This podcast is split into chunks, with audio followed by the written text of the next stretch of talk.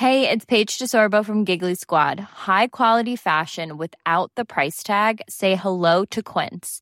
I'm snagging high-end essentials like cozy cashmere sweaters, sleek leather jackets, fine jewelry, and so much more. With Quince being 50 to 80% less than similar brands. And they partner with factories that prioritize safe, ethical, and responsible manufacturing. I love that. Luxury quality within reach. Go to quince.com slash style to get free shipping and 365 day returns on your next order. Quince.com slash style.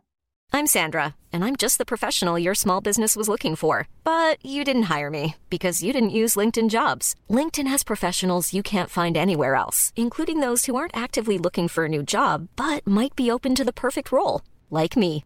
In a given month, over 70% of LinkedIn users don't visit other leading job sites. So if you're not looking on LinkedIn, you'll miss out on great candidates like Sandra. Start hiring professionals like a professional. Post your free job on linkedin.com/people today. Many of us have those stubborn pounds that seem impossible to lose, no matter how good we eat or how hard we work out. My solution is PlushCare. PlushCare is a leading telehealth provider with doctors who are there for you day and night to partner with you in your weight loss journey. They can prescribe FDA-approved weight loss medications like Wagovi and Zepbound for those who qualify. Plus, they accept most insurance plans. To get started, visit plushcare.com slash weight loss. That's plushcare.com slash weight loss. Quality sleep is essential. That's why the Sleep Number Smart Bed is designed for your ever evolving sleep needs. Need a bed that's firmer or softer on either side? Helps you sleep at a comfortable temperature? Sleep Number Smart Beds let you individualize your comfort so you sleep better together. JD Power ranks Sleep Number number 1 in customer satisfaction with mattresses purchased in-store. And now, save 50% on the Sleep Number limited edition Smart Bed for a limited time. For JD Power 2023 award information, visit jdpower.com/awards. Only at a Sleep Number store or sleepnumber.com.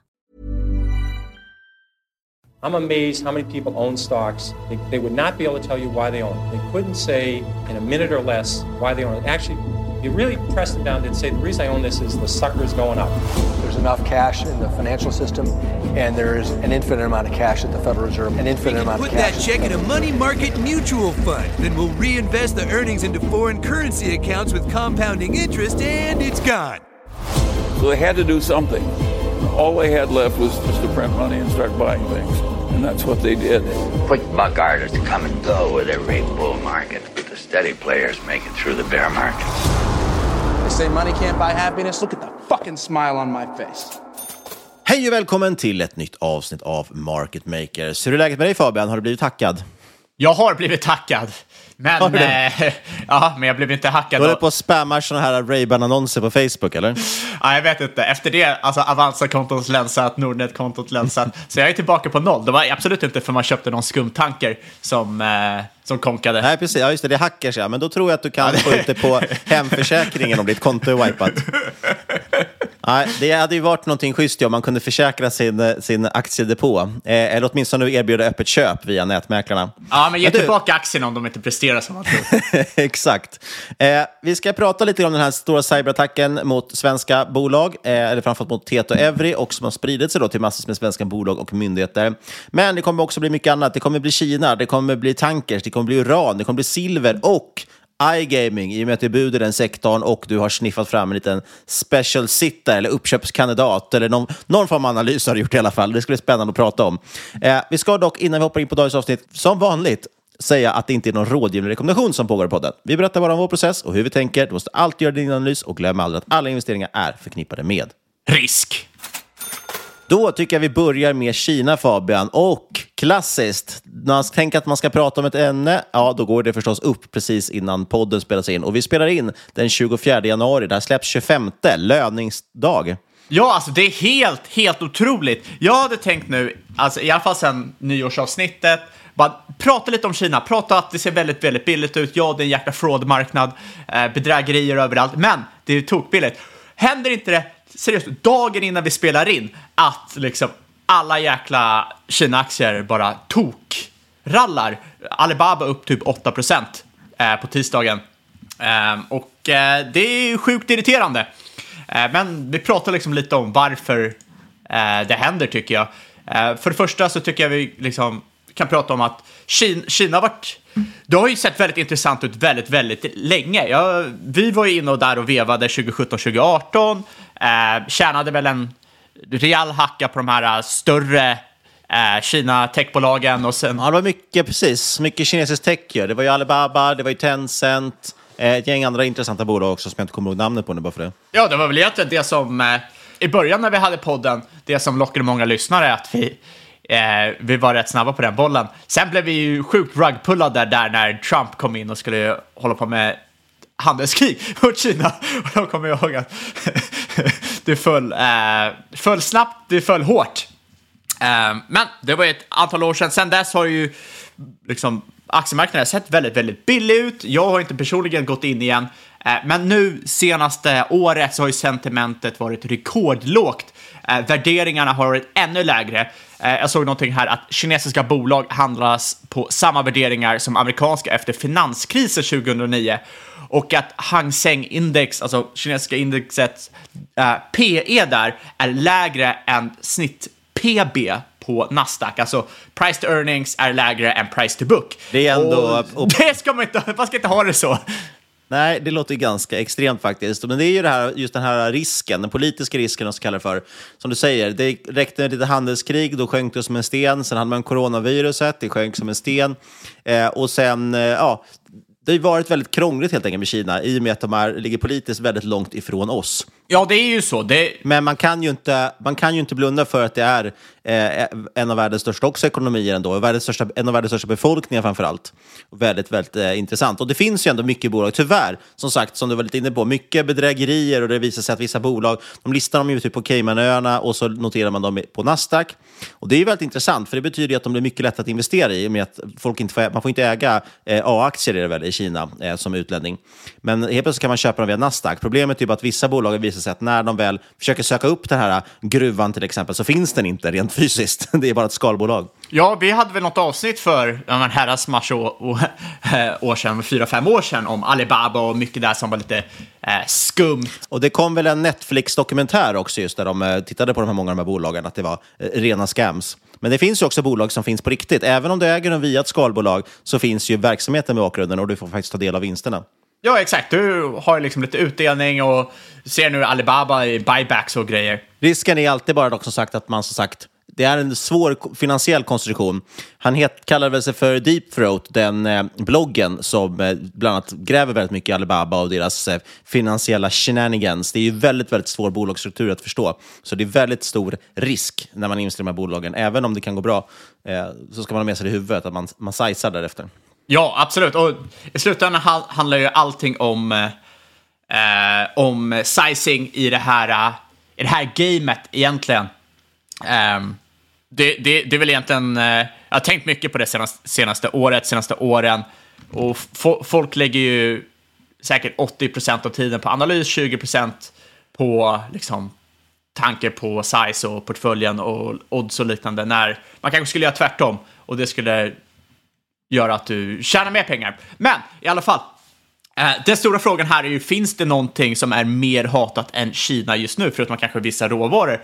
Och jag vågar väl säga nej. Eh, finns det någonting som liksom, folk automatiskt bara ryggar tillbaka på mer än Kina och kinesiska börsen? Eh, jag menar, sen 20, eh, början på 2021 så är japanska börsen Nikkei upp 21 procent. Hang Seng är eh, ner över 50 procent. Eh, HSI är väl ner strax under 10% bara i år. Så att liksom, det har ju varit katastrof. Vi ser kapitulation nu från fondförvaltare som har varit, liksom varit inne i branschen i årtionden, eh, som har fått det katastrofalt fel de senaste åren och nu lämnar, eh, stänger ner sina fonder. Och eh, då tänker jag, fan, det, det kanske är läge här. Eh, och eh, framförallt när man kollar på Eh, ekonomin i Kina, många är väldigt rädda för den här fastighetskrisen. Det är såklart någonting man bör vara varsam till. Men man ser också styrkan i koppar, styrkan i järnma, järnmalm och så vidare som är rätt väl korrelerat med Kinas ekonomi. Eh, ekonomi, ekonomi. Eh, och de har ju momentum och det här pekar ju mot att det finns momentum i kinesiska ekonomin att återhämta sig och så vidare. Dessutom har Kinas obligationsmarknad haft sitt näst största inflöde någonsin i november. Och eh, jag tycker det är rätt intressant här att du har eh, obligationsägare som köper, eh, men aktieägare som säljer. Det är liksom lite av en, li, lite av en mismatch, tycker jag. Ehm, så därför tyckte jag det var intressant att börja kolla. Och kom det inte igår att eh, Kina nu vill pumpa in nästan 300 miljarder dollar för att rädda börsen. Samtidigt som du ser insider buying från eh, liksom i Alibaba, från Jack Ma, deras nya vd. Men, och det är det här som är dock problemet, att man aldrig vet vad man kan... Helt plötsligt kommer Kinas, Kina ut med att de ska pumpa upp aktiemarknaden. Eh, Jack Ma sitter och köper aktier. Bara för, för något år sedan så var det ju tvärtom. Då, då drog ju Kina bort likviditeten istället och tyckte att nu ska man inte få göra vad man vill med aktier. Man fick inte sälja och det ena andra. Eh, och sen så försvann ju Jack Ma också ett tag. Ett tag trodde man att han hade blivit mördad av partiet. Ja, det, det, men det är ju därför det, det, det är så jäkla hatat. Men eh, kollar du på Alibaba till exempel, så handlas det väl på ja, men typ P7 kommande 12 månader ehm, eh, och P10 på rullande 12. Och eh, det är ju väldigt, väldigt billigt. Och de här 300 miljarder, det är, kanske inte är så mycket pengar, men du kan ju köpa upp typ hela Alibaba och Baidu och BYD och ändå ha lite pengar över. Så att eh, det visar ju liksom lite hur billigt de här bolagen handlas just nu och hur mycket liksom, en liten påse pengar kan liksom, eh, påverka likviditeten i, i aktiemarknaden. Sen måste man också säga att det har ju blivit lite roligare med vissa av de här bolagen. Jag menar, visst, Alibaba och sådär kanske inte så många har en naturlig koppling till. Däremot Temu, Temu som har blivit väldigt stort i Sverige och övriga västvärlden, det är ju Pinduoduo väl bakgrunden. Eh, och jag tänker BYD som du nämnde där också, rullar ju, det ser man ju var och varannan dag ute på svenska gator, deras elbilar just nu. Den går ju att handla till exempel via en tracker på åtminstone Avanza i alla fall. Eh, ja, men exakt. Och eh, ja, det fin fin finns ju mycket där att leta och mycket som är väldigt, väldigt nedtryckt. Um, eller bara ta ett Kina-index. Jag tänkte i alla fall att eh, det var otroligt, otroligt irriterande att du drog seriöst dagen innan, men jag tror fortfarande att det kan eh, finnas lite styrka, styrka här. Um, jag vet inte om det är contrarian take eller consensus take. Det är contrarian att köpa någonting som går ner, men det känns nästan som det är konsensus att alla tycker att eh, Kina är billigt just nu. Eh, däremot så kanske det är ett bättre take att ta positioner i emerging markets som nyttjar Kinas styrka, men som inte är Kina och inte har samma kinesiska problem. Vi pratade för några avsnitt sen att du har ju liksom hela Eurasia som det kallas, som sitter och bygger upp infrastruktur och som växer som satan så det knakar.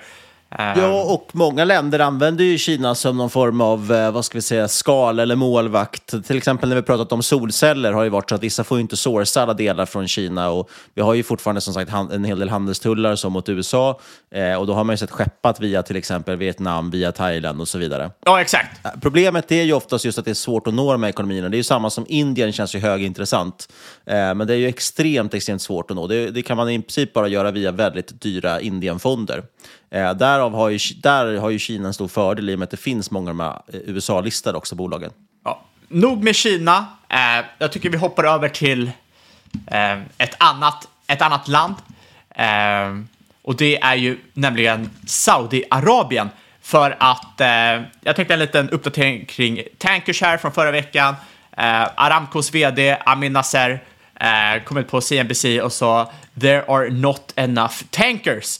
Ska vi säga och, något kort bara först om vad Aramco är för bolag? Ifall man inte vet det. Ja, det är deras nationella oljebolag.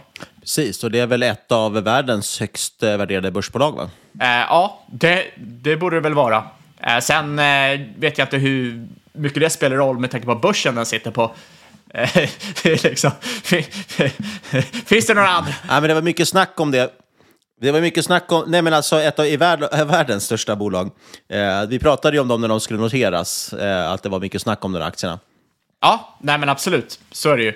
Eh, och eh, ja, det, det är väl liksom rimmar ju rätt väl med det vi pratade om förra veckan och i, eh, i sam, samma veva så fick vi en uppdatering från just Okeanis som vi pratade om, om deras Q1 2024.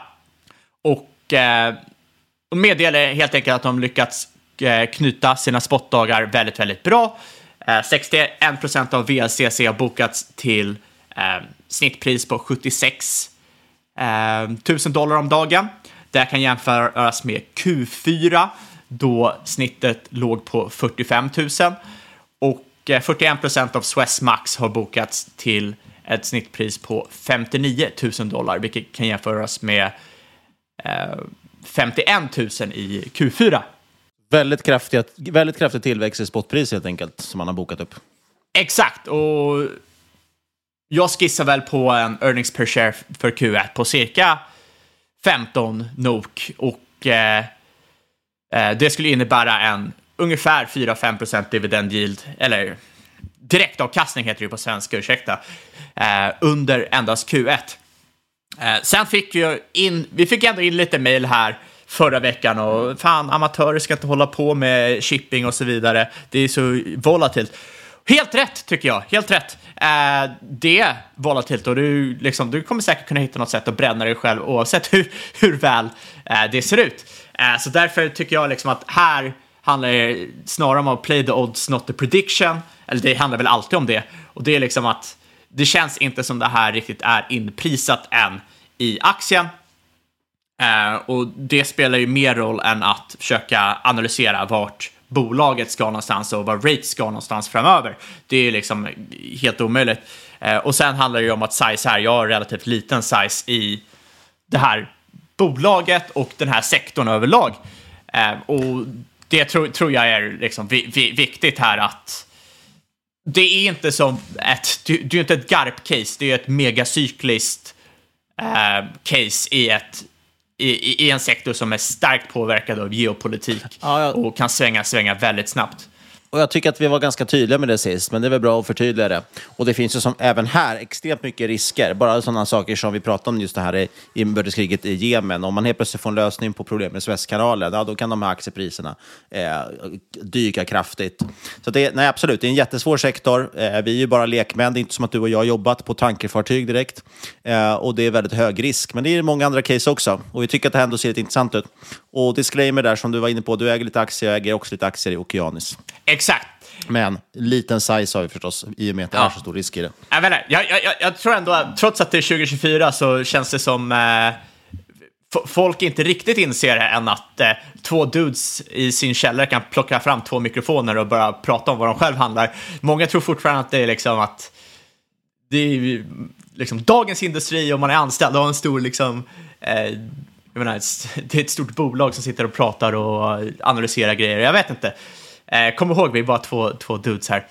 Men det här för oss vidare till eh, ett annat innehav och det är ju uran. Eh, spotpriset nu över 100 dollar. Det var väl typ 106 dollar senast jag kollade.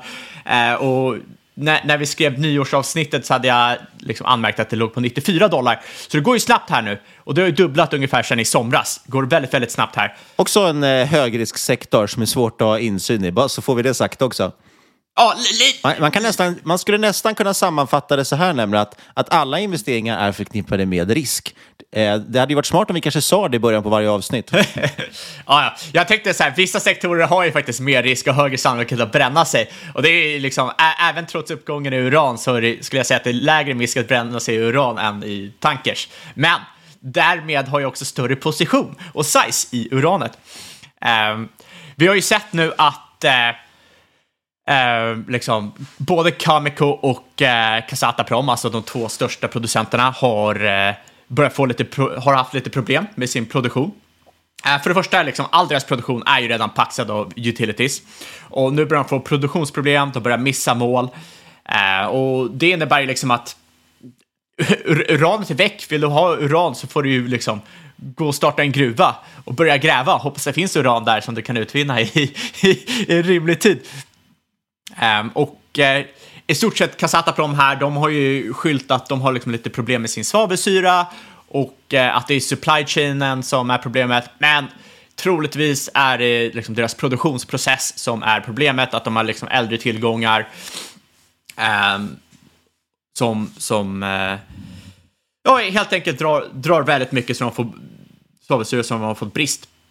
Ehm, och det ryktas här om att de har en eventuell Eh, miss om 10 miljoner pounds för 2024 och 20 miljoner för 2025.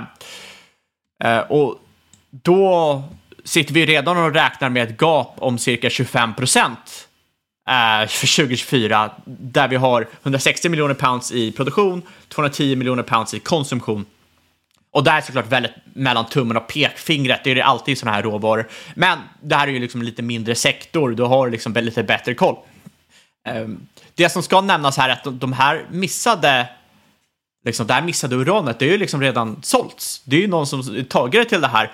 Så det betyder ju att liksom, de måste ut i spotmarknaden Ah, och veva. ah, Annars skulle det inte vara saknat. Nej, men exakt. Om ingen ville ha det så är det ingen som saknar det. Nej, precis. Så de har sålt någonting som de sen inte får upp. Exakt, och det ryktas ju även om att eh, Cameco kommer missa i Q1. De har fortsatta problem med sin Cigar Lake. Och det, liksom, det här är två största producenterna. De står för hälften av globala produktionen och de är nu liksom ute i spotmarknaden. De har obscena missar. Och vilka har dominans över spotmarknaden? Jo, det är ju Sprott med det CTF. Ja, och du, du har ju liksom eh, Yellow Cake och liknande också. Men eh, exakt, de har ju bara suttit senaste åren och köpt upp allting i, i, sprott, äh, i, sprott, i spotmarknaden. Så du har Eh, du, du är liksom big short här. Du har producenterna som är short, du har utilities som är short. Eh, och nu är vi inne liksom i vad jag skulle kalla den senare delen av cykeln. De eh, liksom, lätta pengarna är väl gjorda här. Ehm, det går nog att, Eller, eller går nog, det, du liksom kan starta gruvor och gå med break-even, men det tar ju tid att få igång en gruva. Ehm, så under tiden här är ju liksom risk att det går paraboliskt. Ehm, jag har ett litet eh, bett här att du kommer säkert se till exempel Yellow Cake. Eh, det skulle inte förvåna mig om det skulle köpas upp inom en, två år eh, om priserna fortsätter stiga. Bara för att liksom någon stor utility eller någon som behöver kärn eh, eh uran kan, kan säkra sin supply.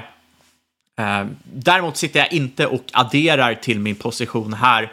Eh, jag har tillräckligt stor position och som sagt, det har ju liksom dubblat i stort sett senaste, senaste året.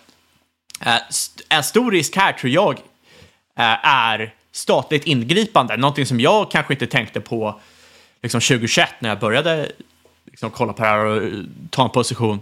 Men uran är trots allt 50 procent av ener liksom, världens energi, 20 procent i USA och har militär användning. Jag menar, det kan ju potentiellt vara en rätt stor säkerhetsrisk att att det blir brist i, eller kan vara, det är en säkerhetsrisk att det blir brist i uran. Jag vet ju liksom inte exakt vad som kommer hända, men det kan ju hända att det kommer någon, eh, liksom där, där, landet där, eh, där de här bolagen verkar och eh, har det fysiska uranet kommer knacka på och bara hej, här får ni eh, liksom den här mängden pengar för ert uran. Det är bara att tacka och ta emot, ni har inget val och så tar vi det. Eh, det, det är nog en risk man har, har härifrån. Eh, tror jag, tror jag, om det går väldigt, väldigt illa i sektorn och går parabolos och så vidare. Vi kan ju snabbt dock, vi har ju fått in frågor på det där eh, om just hur man faktiskt investerar i uran. Då. Nu är det som du säger, eh, kanske snabba pengarna gjorda, man kanske köper sig in sig på toppen, det är väldigt hög risk i sektorn. Så att eh, det är absolut inga rekommendationer. Men eftersom vi har fått frågan så vill jag ändå svara på den. Eh, du och jag äger ju Sprott, bland annat, eh, den Physical Uranium Trust, men den går ju inte att handla längre på grund av ETF, de här, eh, tappade bort namnet på det, Mifid 2 var det va, eh, reglerna eh, från EU, så att det går inte att köpa den ETFen. Men det, må, Men det gick ju att köpa Sprott via Nordnet in i 2022. Precis. Så jag vet inte vad som hände där. Nej, och sen... Om det bara var en miss från Nordnet eller liksom om det hände någonting efter det. Ja, jag kommer inte ihåg exakt heller. Jag har för mig att man tolkar om regelverket också. Det handlar lite om vilken information fonden har tillgänglig. Det som finns i alla fall är, sen finns det ju Yellow Cake som du pratade om, det äger jag aktier ibland. Eh, den får man ju ringa i en telefonorder, den ligger ju på brittiska börsen eh, om man är intresserad av det. Sen finns det en tysk ETF som heter Han ETF Sprott Uranium Miners och då investerar man ju mer mot miners och så vidare. Men jag har för mig att den också har ett underinnehav, Den äger ju också en hel del i Sprott ETFen. Eh, så det är väl det man kan liksom titta på. Det är väl det mest, lätt, mest lätthandlade i de här HAN ETF, eh, Sprott Uranium.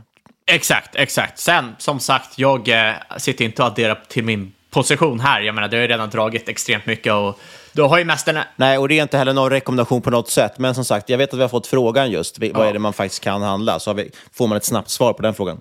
Ja, men det är bra. Uh, men all, allmänt tycker jag att det är mycket case jag kikar på här som har typ väldigt liknande dynamik. Kanske inte lika extremt som uran, men du har liksom en liten marknad, uh, hatad sektor, underinvestering och sinande utbud och samtidigt så har du stigande efterfrågan. Um, har till exempel pratat om TEN förut, där du har en, det här ett eh, supply gap om 15 procent per år kommande åren. Rätt liknande industri som uran, egentligen liten och otransparent. Sen har du till exempel silver, eh, det tredje eh, året i rad med eh, supplyunderskott 2023. Ett gap på cirka 12 till 15 procent. Eh, används inom industri, eh, folk brukar köpa det när det ger politisk risk och centralbankerna ska hålla på och veva och så. Um, Precis, man brukar ibland prata att det är guld med hävstång, för när guldet går bra så brukar ju silvret gå ännu bättre. Exakt, men också åt andra med hållet. fördelen att det an anv används till andra grejer också. Exakt, uh, det, det jag mest vill upplysa här är att det känns liksom som att det finns det är inte bara uran här man kan kolla på, det är liksom så mycket annat. Och inte bara liksom ren råvara heller, jag menar, och liksom det, det, det, liksom, om de kollar på offshore, liksom, en stor grej inom offshore där infrastruktur är egentligen samma dynamik. och det är liksom att eh, för låg supply, eh, för hö, liksom, stigande efterfrågan och eh, man har liksom inte investerat. Och jag undrar verkligen, kommer det här att vara den stora storyn kommande 5-10 åren som när man kollar tillbaka 2030 eller 2035 och bara, ah, det här var så självklart. Man skulle bara spelat all, allting på den här storyn, ungefär som när man kollar tillbaka nu från 2014, bara, ah, man skulle bara köpt FANG. Det var så självklart, men då var det inte så självklart kanske. Nej, och för det är ju så, bevisen stirrar en ju ansiktet och det är därför vi pratar så mycket om till exempel offshore och så, för att det är så pass eh, intressant hur det är upplagt. Och de här råvarorna, men vissa av dem har ju inte dragit och de kanske aldrig kommer göra det heller. Det är kanske är någonting vi missar. Men det är ju verkligen så att det är intressant och det, det skulle absolut kunna vara ett sånt ögonblick som säger att man känner om, om fem år att det här, det här var liksom för uppenbart. Hur, hur kunde man missa det? Exakt, och sen om man har fel så kommer man ju se ut som en clown. Och kommer bara så här, det är såklart det såg uppenbart ut för det var ju så uppenbarligen fel. Ja. det kanske är någonting annat som ser jätteuppenbart ut i efterhand, eh, som, som var anledningen till att det var så, såg så billigt ut. Men, eh, ja, nej, men det är väldigt knepigt ju. Någonting annat som är eh, uppenbart, eller inte uppenbart kanske, det var ju hackerattacker. Ja, det ser väl också uppenbart ut och cybersecurity överlag. Jag måste bara snabbt också säga en sista sak här om uran. Du var inne på svavelsyra, ju, att de saknade. Kassaprom saknade svavelsyra. Eh, två bolag på svenska börsen som producerar svavelsyra, om inte jag minns fel, är Alfa Laval, kemibolaget, och framförallt Boliden. Och Boliden har ju något dotterbolag som håller på med tror jag, koldioxidneutral svavelsyra. Kanske kan bli någonting, vara någonting intressant att kika på. Men jo, hackerattacker, det har vi ju väldigt mycket av eh, senaste tiden. Eh, jag såg bland annat eh, enligt en, eh, vi har pratat om det här tidigare i podden också. Eh, det är ju en sektor som växer väldigt, väldigt kraftigt, över 10 procent per år.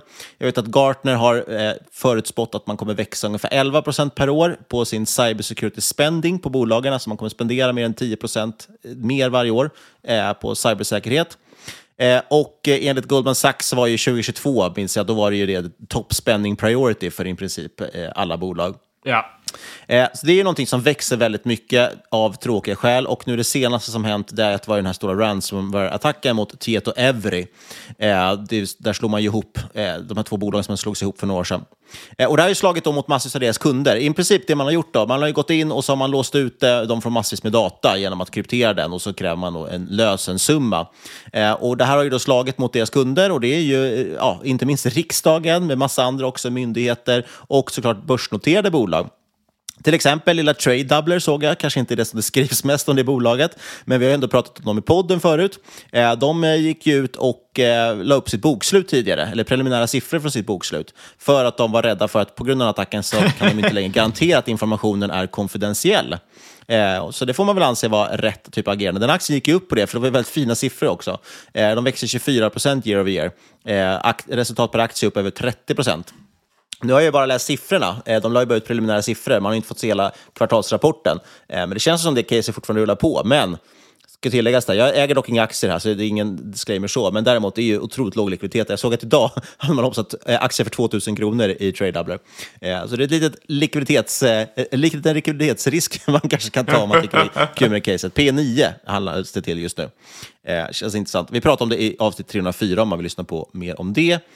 Men det var en massa andra börsnoterade bolag också. Loomis, inte minst, de gick ut och varnade sina kunder. Rusta, de fick ju hela sin sajt nedstängd. Och i princip, det som har hänt då, om man ska förenkla väldigt mycket, det är att de har gått in och som sagt och krypterat massvis med data och så kräver de en lösensumma. Det är det som kallas för en ransomware-attack. Eh, man har, kan ju dock oftast isolera den här typen av attacker väldigt mycket. Så man har isolerat ner vilket, vad den har spridit sig till. Eh, problemet blir dock att den datan är otillgänglig eh, och det tar väldigt lång tid att återställa den. Förhoppningsvis har man ju backuper. Eh, de har ju redan liksom återställt ganska mycket, men det verkar ta väldigt lång tid. Upp till ett par veckor varnar ju Tieto Every för. Eh, jag hörde att Börspodden, de spekulerade i, de hade ju från, hört från säkra källor inom citationstecken att det här inte alls är ransomware utan det är ett cyberkrig. Eh, det var ju nämligen så att den här hackergruppen har ju kopplingar till Ryssland och det är inte alls otroligt att det är så att det är finansierat kanske på något sätt eller åtminstone att det är någon form av en cyberstrategi. Det kan man inte utesluta. Men man kan ändå titta lite på statistiken här och fundera på liksom om det verkligen är ett sånt motiv eller inte. Med risk nu att jag kommer få mejl här som säger att jag går ryssarnas ärende. Som sagt, jag utesluter inte att det finns politiska Rysstroll. motiv bakom det här. Men jag vill bara lyfta lite statistik, att det är ändå vanligare än vad man tror här. Eh, år 2021 gjorde polisen en stor undersökning. Då upptäckte man att antal bolag, som antal bolag i Sverige som betalar lösensummor hade ökat med 300 procent. Eh, och det är ju så att hackergrupper har ju specialiserat sig och gjort big business här. Det pratade vi också om i något tidigare avsnitt. Att det här har ju blivit en industri helt enkelt. Eh, väldigt lönsam industri. Om man bor till exempel i, i Ryssland i, eh, och i den typen av länder Eh, där det liksom inte, kanske är lite mer gråzon. Eh, så har det varit då. Det, de sköts ju nästan som vanliga företag, de här grupperna nu för tiden. Eh, och många har liksom nischat sig väldigt mycket. Det finns ju till exempel en kinesisk grupp som har nischat in sig helt och hållet på amerikanska sjukhus som de går in, eh, hackar, kör ransomware eh, och sen då får de ut lösensummor för att sjukhuset ska öppna upp igen så patienterna inte ska dö. Eh, och enligt den här undersökningen jag pratade om för polisen så betalar faktiskt tre av fyra företag lösensumman i Sverige. Och nu kanske inte det handlar om stora börsbolag, de kanske har liksom tillräckligt med backuper och disaster recovery-planer och allt vad det heter för att liksom kunna återhämta sig från en sån här eh, attack. Men mindre bolag, eh, man tänker en eh, målerifirma liksom, eller någon mindre liksom, kanske it-konsult, någonting. bolag som inte har lika bra koll på sin säkerhet och backuper och så vidare. Eh, för dem kan det vara mer lönsamt kanske att betala ut eh, 100 000 svart då, som med bitcoins till någon, till någon hackerfirma och så får de det upplåst bitcoins. Ja, men det är ju oftast det man ska betala med. Så var det för något år sedan i alla fall. Eh, tre av fyra företag betalar enligt polisens undersökning. Det är ändå anmärkningsvärt. Eh, det brittiska cybersäkerhetsföretaget Sophos de gjorde en eh, undersökning där de frågade 5 000 it-chefer i 26 olika länder hur ofta de betalar och hur de ser på ransomware. Sverige kom då på andra plats. Så det är alltså ett av de länder i världen som har eh, högst kostnader för att ställa i ordning efter ransomware-attacker, men också ett av de länder som oftast betalar eh, ransomware-summor helt enkelt. Så att det är absolut så att det är big business att attackera svenska bolag. Vi är väldigt betalningsvilliga. Och det är inte så konstigt. Attacken mot Maersk som skedde för några år sedan, nu är det ett danskt bolag då, men attacken mot Maersk som skedde för några år sedan var ju väldigt omtalad. Den bedömde ju bolaget att den skulle kosta 2,5 miljard kronor att återställa den skadan. Och då hade det varit betydligt billigare att pröjsa några miljoner för att låsa upp systemet. Eh, samtidigt dock vill jag ha en stor fet disclaimer här, att man avråder ju starkt från att man ska betala de här lösensummorna. MSB till exempel säger att man absolut inte ska betala. Dels är det inte säkert att det hjälper. Eh, de kan fortfarande ha din data. Dessutom stöttar man kriminell verksamhet. Och man säger att för varje ransomware-attack som man betalar så har man då finansierat eh, åtminstone 20 stycken till. Sen finns ett annat motiv som kan driva den här typen av attacker. 2021 var ju FBI ute och varnade för att hackergrupper hade satt i system att hacka just börsnoterade bolag eh, för att då kunna dra nytta av kursrörelser. Dels så går ju aktierna ner när det här kommer ut. Man kunde läcka information, man kanske till och med kunde då få inside-information genom att läsa kvartalsrapporterna innan. Eh, så det här var någonting man satte i system och som FBI som sagt varnade för, för redan några år sedan. Vad, vad, vad hände med det här do not negotiate with terrorists? Ja, men det är det jag menar. Det är det man inte ska göra och det är därför MSB och flera andra varnar för det här. Man har till och med faktiskt, jag såg ett förslag om det, eh, någon, någon expert som tyckte att man kanske skulle ha en lag mot att betala sådana här lösensummor. Och det kanske är ganska vettigt faktiskt, i och med att det är ett stort problem. Det ökar, problemet ökar ju desto mer vi betalar också. Mm. Eh, det absolut bästa man kan göra är ju istället ha backuper och återställa datan, precis som Tieto Every gör nu. Eh, så att, ja, det, det, är ett jätteproblem och som sagt, det, det är inte en helt tokig, tokigt förslag kanske att eh, förbjuda att man betalar sådana här lösensummor. En av våra vanligaste förfrågningar vi får in till podden är ju att vi ska prata om cybersecurity-bolag på börsen, vad man kan investera i. Och vi har gjort det ett antal gånger också. Senaste avsnitt 224 tror jag, när jag sökte i våra anteckningar. Det finns massor med intressanta namn och spelare i den här sektorn, men de har i princip alltid varit fasligt dyra och i många fall väldigt olönsamma.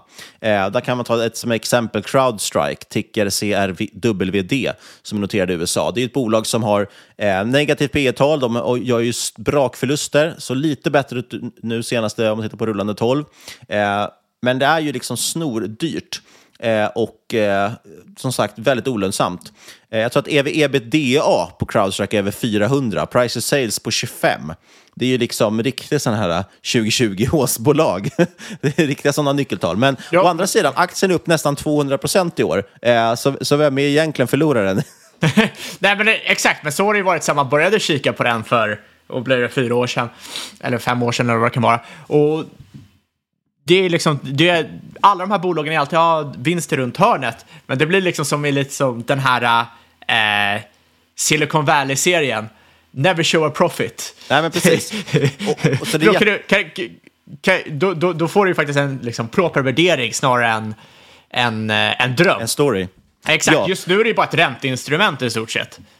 Ja, och samtidigt som sagt, storyn verkar ju hålla. Och så det, det, kan ju absolut göra så att vi tar ett avsnitt om det, för det är mycket intressanta bolag. Eh, jättemånga intressanta namn, eh, men sagt, och, och, bolagen har ju gått bra. Dessutom finns det ju en ny intressant vinkel nu också med AI som kommer in inom cybersecurity och så gör det ännu mer intressant. Och det finns mycket roliga namn. Qualys, Seascaler, Cloudflare med flera. En av få som är lönsamma är Fortinet, som har ju ticker FTNT. Eh, det handlas dock till eh, PE över 40. Palo Alto Networks är också på, tror jag handlas till, till PE 170, så de gör lite vinst, men inte mycket. Eh, sen någonting vi har pratat om också mycket i podden, det är ju att den, de, de liksom cybersecurity-företag jag helst kanske skulle investera i, de är ju en del av större bolag. Till exempel Microsoft, som liksom menar, Microsoft Defender är väl världens vanligaste antivirusprogram idag. Och de har ju massvis med molnsäkerhetslösningar också som är jätteintressanta. Skulle man dra ut det här bolaget, eh, vi kan jämföra liksom Microsofts cybersecurity-avdelning kan vi jämföra mot Crowdstrike. Microsoft har över 10 000 anställda som jobbar enbart med just cybersecurity. Crowdstrike de har drygt 7 000 anställda och då inkluderar ju all overhead och vaktmästare och allt vad det kan vara för någonting. Eh, Microsofts cybersecurity-avdelning omsätter över, ja, närmare 10 miljarder dollar per år. Eh, Medan Crowdstrike omsätter en fjärdedel av det ungefär. Så Microsoft liksom cybersecurity-avdelning är ju större än hela Crowdstrike. Eh, det hade varit ganska intressant att kunna investera i den delen snarare. Eh, men tyvärr, då, den slår ju inte jättemycket mot helheten i Microsoft eftersom det är så enormt stort. Eh, så att, ja, superintressant i alla fall. Och det som också är intressant är just det här med när AI kommer in i det. Eh, den mänskliga faktorn är ju det största problemet när det gäller cyberattacker fortfarande. 75 procent säger man av alla intrång och attacker som sker beror på något sätt på grund av människor som har gjort felaktiga saker. Till exempel klicka på ett mejl. Ja, social hacking. Ja, och där blir AI jätteintressant, för AI kanske är ännu bättre på att eh, liksom, eh, upptäcka phishing-mail phishing och den typen av saker. Och tvärtom, jag lyssnade på någon, jag kommer inte ihåg vilken det var, men det var ju någon podd med någon eh, AI-expert. Och han har liksom, eh, han hade sett liksom, just AI som körde så social hacking. Där det var någon som blev utpressad på pengar eh, för att den här AI då kunde härma eh, deras sons röst eller dotters röst eller vad det var. Och så var det liksom, ah, pappa snälla du måste rädda mig, du måste rädda mig. och liksom hör, hör ditt barns röst. Eh, det är klart du skickar massa pengar, du får ju panik antar jag. Eh, och det, det är lite läskigt med, med AI. Precis, det finns ju två sidor här. Man kan till och med dra det hela varvet runt, tre varv. Eh, det finns en, en intressant aspekt med AI i och med att AI kan göra att, att eh, skyddet blir bättre. AI kan upptäcka riskbeteenden, den kan upptäcka phishing-mail, den kan upptäcka liksom konstiga inloggningar och så vidare. Saker som verkar indikera på att det är någon form av attack eller intrång, så man kan stoppa mer. Och det vet jag till exempel Microsoft och de andra aktörerna satsar jättemycket på att få in AI-analys på all, all data, helt enkelt, säkerhetsdata. Sen om man vänder då på ett varv som du säger, AI är också intressant på så sätt att det ökar attack, attackerna. AI kommer göra attackerna bättre och smartare och svårare att upptäcka. Och det, gör ju, det är ju positivt för de här typen av aktierna. Det är negativt för ekonomin i stort, men det är positivt för de aktierna i och med att folk kommer behöva investera ännu mer i eh, säkerhetsskydd helt enkelt, i och med att AI ökar. Och, och som du säger, det där som du pratar om har ju gjorts Alltså det kan göras ännu bättre på till exempel börsbolag i och med att börs till exempel finns ju ute väldigt mycket i media. Då har du jättemycket ljudmaterial du kan träna din AI på och sen kan den ringa telefonsamtal då till ekonomiavdelningen och be dem betala ut pengar eh, för att de står strandade på någon flygplats eller vad de nu hittar på för story. Och det där ser vi jättemycket och även mejl också som skickas ut. Det är jättevanligt att de försöker härma då hur till exempel vdn pratar och så ber den om en utbetalning. Sen vänder man på det ytterligare tredje varv. Eh, vad är det som är bäst på att upptäcka AI, alltså fejkade liksom, eh, fejkad media som AI har genererat? Jo, det verkar ju vara AI som är bäst på att upptäcka AI, eh, vad heter det? AI-genererat innehåll också. Så det finns en tredje vinkel, att du kanske måste ha AI för att upptäcka det AI-genererade materialet. Så jätteintressant sektor. Jag utlovar att, eh, jag får väl utlova helt enkelt att vi kommer eh, återkomma med ett avsnitt i, i eh, ämnet. Ja, det, det känns ju som det måste vara den sektorn vi har pratat, pratat mest om. Måste vara den, ja, den, den och ändå fortsätter vi få förfrågningar om det. Det måste ju vara den sektor som eh, har mest uppmärksamhet kontra generera minst vinst per bolag. Verkligen. Ja, eh, vad var vi kvar på dagens agenda? Ja, apropå attacker så ska vi prata om attacken på svenska börsbolag av utländska investerare. Ja, för nu har det ju hänt. Eh, vi pratade lite om det när GAN eh, fick bud i avsnitt 307 tror jag att det var. Men nu har även ett bud kommit på svenska Kindred av franska FDJ. Och det är väl eh, statligt bolag. Eh, premium... Franska monopolet. Exakt. Eh, premium på typ 30 procent. Så det är inte så att det är så galet eh, högt heller, men det är väl många aktieägare som är gläds åt att komma ut kom ut Ja, och eh, Kindred var väl ner ganska rejält också efter de här stora böterna man skulle få i Norge nu. Och, så att, ja, ett bra läge att snappa upp det här bolaget. Och det är ju, vi och jättemånga andra har ju pratat om det här i jättelänge, att i och med att inte fonder och så vidare får äga de här bolagen har de pressats ner i värderingarna och har blivit väldigt starka uppköpskandidater. Exakt. Eh, budet som du säger ligger väl på typ 130 spänn. Aktien handlas dock i 120 drygt, så det är ju långt upp kvar till den här budpremien, eller till det här budet. Och jag för mig också, det kan vara kanske inräknat till de här 130, men man ska ju också väl ta hänsyn här till de aktier som Kindred själva äger. De har gjort mycket återköp och sitter massa aktier som inte har makulerats än. Eh, men det säger i alla fall ganska mycket att marknaden handlas väldigt långt under budet. Och det är lite intressant. Eh, det kan ju vara ett, en tanke kanske att använda det som någon form av likviditetsplacering om man, om man kan sitta och vänta på, på det här budet inte tror att det går igenom. Eh, kan ju också spekuleras lite, kan det bli budstrid på det här bolaget? Man kan ju tycka det i och med att budet är ändå så pass lågt, eh, men det är väl inte, jag vet inte vilka andra aktörer som skulle vara intresserade. Uh, nej, uh, man såg väl det i alla fall första, första dagen att det var ett stort jäkla säljtryck. Uh, men sen tror jag att det var näst största ägaren som inte hade accepterat budet. Så vi får väl se hur det går, går framgent. Kindred har ju aldrig varit något bolag som du och jag har täckt eh, särskilt nära, till skillnad mot typ Evo, Rake, Betsson, eh, Kambi när det Nej, och jag tycker att de har gjort lite tokigt i sin stora USA-satsning. Det såg ju väldigt lovande ut, jag förstår var man kommer ifrån, men det har ju visat sig inte vara särskilt lönsamt att vara i USA. Nej, eh, det blir väl så när alla ska expandera till samma ställe. Eh, det är svårt, men det, det, det, är också svårt som bolag att sitta och smälla upp i en ny marknad. Eh, det är väldigt kostsamt och som investerare ser man ju mest möjligheterna, men det är ju alltid en, en risk. Eh, jag menar, kolla, kolla Ebay. Eh, det var väl Ebay i, eh, när de skulle smälla upp i Kina. Hade ju liksom tagit över hela USA.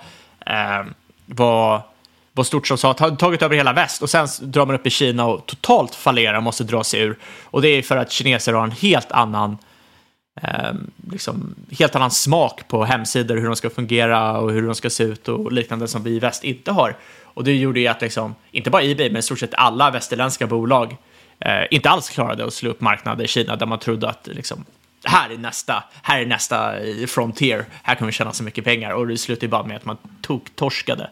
Verkligen. Nu har du i alla fall spanat upp en annan kandidat. Ska vi bränna av den här också innan avsnittet är slut? Uh, ja, jag började kika där liksom, och analysera lite här. Uh, Gaming Innovation Group noterat uh, GIG på norska börsen och GigSec på svenska börsen. Och det här är ett bolag med en, det är ett brokigt bolag med en brokig historia.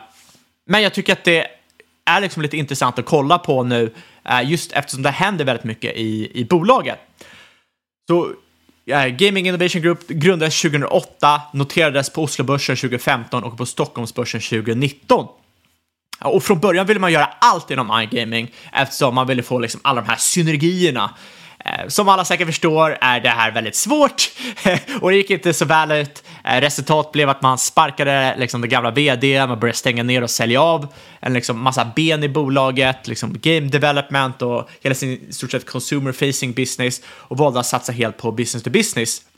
Och nu vill man ju ta det här ett steg längre, eh, för man planerar att splitta de här två kvarstående benen i två separata bolag Eh, under första halvåret 2024. Det som är intressant här är att det bör kunna låsa upp aktieägarvärde, men det är rätt svårt eh, att räkna ut exakta värdet här för ett liksom, lite otransparent bolag. Eh, och sen har du liksom en historia med halvdan kapitalallokering, eh, så du har en massa lån som behöver refin- eh, refinansieras, du har avskrivningar, du har earnouts eh, som kanske förtäcker det här lite. Men alltid kul med en utmaning som man brukar säga. Jag tyckte i alla fall var värt att kika om det här var någonting att, eh, att köpa in sig i. Eh, och först och främst tror jag vi kanske ska hoppa in lite på vad bolaget gör och sen kolla på, liksom, lite på värderingen. Eh, Gigsec är verksam inom två områden, det som kallas för media och det som kallas för platform and sportbook. Media drar in strax under 70% av omsättningen och plattform drar in strax över 30%. Och den här splitten har varit rätt stabil de senaste åren. Kan även påpeka att det är media här som har, det är där marginalerna finns eh, och i stort sett eh, hela lönsamheten. Eh, ebitda-marginalen eh, ligger på 46% för media och eh, endast strax över 30% för plattforms. Och eh, mediasegmentet eh, i gig är, ja, det är affiliate, det är en, en affiliate-verksamhet. Och en snabb påminnelse för de som kanske inte har 100% koll eh, är att inom iGaming så brukar man ju prata om operatör och leverantör och affiliate. Och operatören har ju direktkontakt med kunden och driver kasinoverksamheten eller sport, eh, sportbettingverksamheten. Det är till exempel Betsson. Eh, sen har en leverantör som utvecklar teknik och spel och det är väl Evolution typ. Och sen har affiliates och det är externa bolag som används för att rekrytera och driva nya spelare till operatörerna. Här har du till exempel RakeTech. Och en anledning varför man vill använda affiliates, oavsett bransch, inte bara iGaming, är för att det är väldigt dyrt och svårt att värva kunder. Så affiliates, då fokuserar ju helt på att värva kunder, det är hela deras verksamhet och de tar ju liksom på sig risken när de spenderar pengar eh, för att värva kunder och det betyder ju att du som anlitar affiliates eller använder affiliates effektivt sett bara betalar för utfallet här och inte liksom risken för att betala för en hel kampanj som kanske inte slutar med, liksom där du inte har några kunder som resultat. Eh, såklart finns det ju massa risker för affiliatebolag och därför, det är i stort sett därför man säger att de handlas väldigt billigt på börsen, till exempel RakeTech. RakeTech har ju problem med sina earnouts som jag pratat om tidigare. Men du har ju till exempel att Google kan ändra hur deras ranking fungerar eh, och sen är ju många länder som är rätt tveksamma kring att göra reklam kring iGaming generellt. Eh, men Gig, de har två sätt att dra in kunder via affiliate. De har publishing och eh, paid.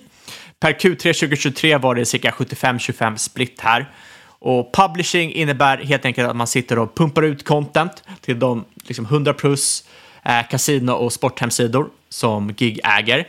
Eh, VSN.com, AskGamblers.com, eh, CasinoTopsOnline.com för att nämna några. Och man har även externt partnership med framförallt Newscore som äger eh, liksom The Sun och Talksport och där har man en bettingsektion på hemsidan. Och egentligen handlar ju liksom publishing om att du skriver bra content så rankar du högre på Google och det här driver trafik till din hemsida som du sedan slussar vidare till operatörerna. Och eh, sen har du ju paid och det är i stort sett att eh, Gig köper marknadsföringsplatser online och betalar en potentiell eh, kund klickar på annonsen. Och det här kräver ju rätt god specialistkunskap för att få in bra ROI här och eh, liksom, det finns en del risk men också potential med liksom, eh, konkurrensfördelar här. Och Gig har gjort en del förvärv för att öka sitt know-how inom området. Eh, så i alla fall, mediasegmentet, det är affiliate-verksamhet, vilket innebär antingen publishing eller played. Så nu har vi det ur vägen för de som kanske inte har 100% koll på det. Cirka 65% av intäkterna för mediasegmentet kommer från en revenue share model, vilket innebär att GIG får en viss procent av kundens totala spenderande under den aktiva livstiden hos operatören. Resten av intäkterna är så kallad CPA eller cost per acquisition och en one-off betalning efter att kunden deponerat pengar. Och eh, de primära geografierna för mediesegmentet är Norden, Europa och Amerika. Det andra benet är Platform och sportbook. Och det här är en end-to-end lösning eh, till operatörer som vill etablera sig online. Och liksom, det här handlar ju liksom om att du har betalningar, admin, kundhantering och så vidare, allt på en enda plats. Och som vi snackade om i höstas så kan liksom högre ränta som innebär högre liksom, eh, kostnader innebära att bolag är mindre sugna på att bygga eget. Det var ju liksom den stora grejen för några år sedan var ju att outsourcade eh, diverse lösningar och sen började ju liksom fler och fler bolag i stort sett på liksom piken 2021 när det var som billigast att göra så, ta in det här inhouse och vilja bygga saker inhouse. Och nu kan det ju vara så att det svänger tillbaka, att allt fler vill, eh, vill outsourca det, för det kostar ju mycket pengar och då kanske det är bättre att eh, ta in ett bolag som helt fokuserar på det. Men man får ju betalt antingen via andel av spelnetto eller fast avgift här. Och totalt har man väl cirka 40 kunder, inkluderat bland annat Betsson, och över 60 varumärken med licens i över 30 marknader. Eh, växer på väldigt bra här. Eh, liksom nya kunder kommer in, eh, låg churn och eh, Europa och Latinamerika är största geografierna. Då hoppar vi det är också liksom lite vad bolaget gjorde. Nu hoppar vi vidare till det viktiga här och det är ju finanser. Som sagt så har bolaget historia av en hel del uppköp och det här gör ju att grejerna blir, det blir rätt krångligt att räkna på och hålla koll på vad som händer. För det här innebär ju liksom att du har lån, du har avskrivningar, du har utspädning och så vidare. Uh, och det här är såklart drivit en stor del av omsättningen, men aggressiv ma strategi är ju inte alltid optimalt. uh, kolla på till exempel Embracer, exakt det jag skulle säga. Uh, och jag menar, de senaste två åren har man väl spett ut uh, aktieägaren typ 30 procent eller någonting. Om jag inte räknar fel. Det är lätt att räkna fel i den här typen av bolag. Nej, det, det, det, det, det är det. Så jag, jag har ju verkligen försökt hålla det enkelt här. För, för, för, att se om det, om, det, om det finns någonting att gräva vidare i. Eh, Gig, de hänvisar ju själva att de vill fortsätta göra uppköp eh, för att fortsätta diversifiera rörelsen med fler kunder, fler marknader, fler varumärken. Jag förstår vart de kommer ifrån. Eh, tjänar de liksom pengar på det? Och de har ju faktiskt lyckats inter, integrera många, eh, många bolag de har köpt upp väl. Vissa inte så väl, men eh, många senare tiden i alla fall har de ju lyckats eh, integrera. Till exempel så förvärvar de ju Ask Gambler-hemsidan i eh, Q1 2023. Eh, intäkter är väl upp 65% på månadsbasis för, eh, för den hemsidan. Och... Ja, och just inom affiliate är ju väldigt ma tungt Exakt, exakt. så det, du, du har ju inte heller samma kostnader som du kanske har för till exempel Embracer och spelstudios och så vidare. Och så vidare. men det, däremot så innebär det liksom att du som aktieägare det kommer ta tid om du liksom förväntar dig att du kommer få aktieåterköpen, utdelningar och så vidare. Utan de kommer ju fortsätta satsa på att växa omsättningen eh, och eh, växa vinsten över tid. Så att det här blir ju mer av ett GARP-case på det sättet. Det är lite intressant med GIG att du har ju både GARP här och special sits. Eh, nettoskulden i alla fall, ligger väl på ungefär 130 miljoner euro, eh, varav halva skulden förfaller under 2024. Eh, och det krävs ju en refinansiering här eh, innan uppdelning av bolaget. Och den ska ju bli intressant att kolla vad den kommer in på. Ehm, jag tror väl att eh, Eventuellt så kommer man väl se att man får betala lite mer ränta än vad man gör nu. Om jag inte missminner mig så snittar man väl runt 8 procent eh, för de skulder man har. Ehm, men ja, i, alla fall kort, liksom så här, man köpte upp eh, iGaming-bolaget eh, Sport, eh, Sport, Sport Co. Eh, Gaming i eh, liksom april 2022. Eh, sitter man fortfarande betalar på. Eh, man eh, köpte upp eh, affiliate-sidorna AskGamblers.com, John Slots, New Casinos och andra mindre domäner från Catenia Media, som sagt, i H1 2023, eller Q1 2023. Eh, betalas i tre omgångar, sista är 31 januari 2025. Eh, så man, man sitter fortfarande och liksom betalar på tidigare uppköp eh, och sen har man ju liksom, gjorde man ett till uppköp nu när Q3 var över. Man förvärvade affiliatebolagen Café Rocks för 37,5 miljoner euro. 15 miljoner av det här betalas upfront, resterande över 24 månader. Eh, bara 2,5 miljoner euro av det här i aktier. Men visar ju på liksom lite vart bolaget står och vad du får när du går in i det här eh, bolaget. Ja, de köpte väl det här till hyfsad prislapp på 3,6 gånger ev ebitda. Men eh, det här innebär ju också liksom många uppköp här, så balansräkning är ju helt liksom full med immateriella tillgångar och liksom 50% goodwill och så. Eh, så det är viktigt att ta med sig.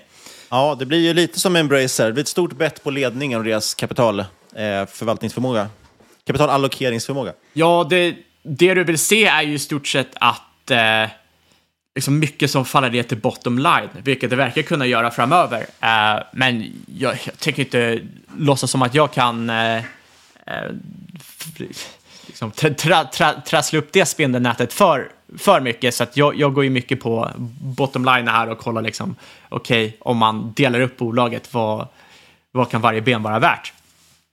Eh, men i, eh, hoppar man då till senaste kvartalet, så Q3 2023, så steg omsättningen eh, cirka 40 procent, varav strax över 20 procent organiskt. Eh, mediabenet drev ju all den här tillväxten, steg nästan 50 procent och eh, som sagt visades att AskGambler hade eh, integrerats väldigt, väldigt väl. Man guidar att gigmedia ska omsätta 125 till 135 miljoner euro 2024, som är, ja, det är väl ungefär vad de omsätter för hela 2023, alltså hela bolaget. Så att du har du har ju någonting här i gigmedia som är väldigt kvalitativt, verkar det som, där du har eh, stark tillväxt, du har eh, lönsamhet och eh, ja, det, det, det ver verkar vara ett kvalitativt affiliatebolag. Sen har du Platform, växte 20% year on year. Uh, inte lika fina marginaler på det här bolaget. Uh, och, uh, eller det här, det här benet. Så det är väl egentligen att du har, du har ett ben som presterar, det är media, och sen ett ben som är lite förhoppning. Du har förutsättningarna, men du behöver skalas upp liksom lite för att du ska få eh, avkastning på det, känns som. Man har mål att växa organisk omsättning med 20% en ebitda-marginal på 50% och cash ska användas för att minska leverage, vilket är rätt, rätt rimligt. Senaste tre åren har man en omsättningskagger på 28 procent, en eh, vinstkagger på 42 procent. Eh, men negativt fritt kassaflöde, vilket kanske inte är så konstigt med tanke på vad man har gjort med kassan. Eh, men det som är intressant här med bolaget är ju att det verkar som att man har nått en inflektionspunkt.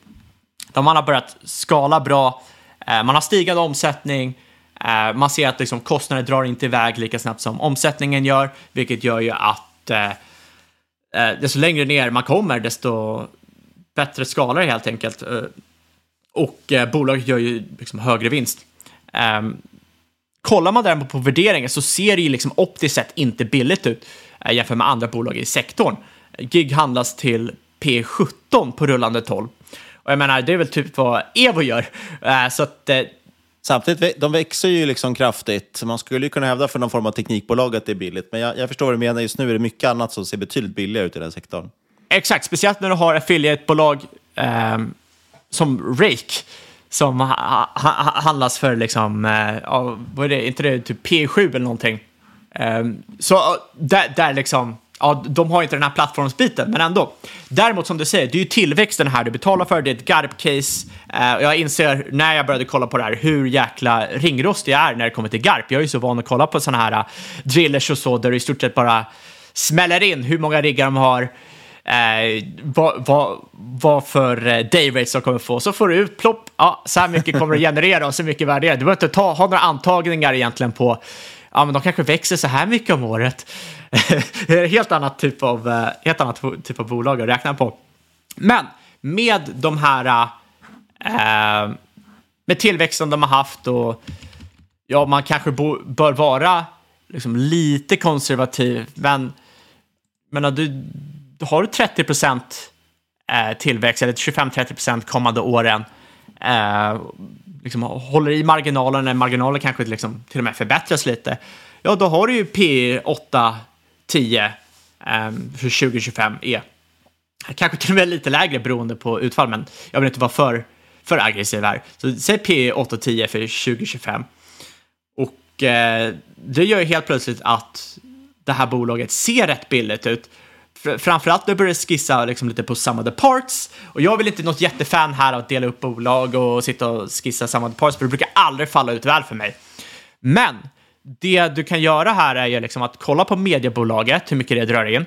Eh, som sagt, för 2024 kommer det ju dra in typ lika mycket som hela bolaget gör 2023. Eh, så i stort sett så pröjsar du ju fair value för mediebenet och får resten av bolaget gratis till det priset. Eh, om inte jag tänker helt fel. Ehm, så det, det gör ju att ja, du får ju en rätt intressant option här när eh, bolaget delas upp. Ehm, och sen när det kommer liksom till, till eh, fair value, borde det ett bolag som växer så här handla så här billigt? Nej, du kanske borde handlas till P12, 15 och då har du väl en liksom, aktie, aktiekurs runt 40-50 kronor beroende på aggressiv där. Uh, Såg också att eh, Pareto hade pekat ut det som en av deras favoritaktier bland mindre bolag för 2024. Ja, det, det, det, det är, det, jag, jag tycker det är jätteintressant. Eh, som sagt, växer ju väldigt eh, kraftigt. Du ska ha den här uh, splitten eh, så att du låser upp liksom, ditt aktieägarvärde. Nackdelen är, är ju liksom lånen och tidiga uppköp och eh, avskrivningar. Det är väldigt, väldigt trassligt. Um, för mig personligen är det väldigt svårt att läsa, läsa igenom det och det gör ju att jag avvaktar här, eh, främst på grund av referensieringen. Men jag håller noga öga på det under H1, eh, då jag ändå tror att det finns något här att, att ha. Och med det så knyter vi väl ihop den här säcken. Eh, vi har försökt nämna innehav, innehav här under löpande. Vi äger ju inte aktier i GIG, däremot äger vi aktier i en del uranbolag. Vi äger också eh, Ja, vi kan ju äga någon av de andra bolag vi nämnde så här, förbifarten också, som Evo och Betsel och så vidare. Och, och sen så pratar vi lite om Okeanis. Exakt. Det stora som vi nämnde specifikt. Eh, oavsett dock vad vi säger så ska du komma åt inget hört den här podcasten ska ses som rådgivning. Alla åsikter var inne eller vår gäst och eventuella sponsorer tar inget ansvar för det som sägs i podden. Tänk på att alla investeringar är förknippade med risk och sker under eget ansvar. Uh, vill ni kontakta oss kan ni göra det på podcast at marketmakers.se eller på Twitter at marketmakerspod och lämna gärna en recension på iTunes. Och sist, men absolut inte min kära lyssnare, stort tack för att just du har lyssnat. Vi hörs igen om en vecka.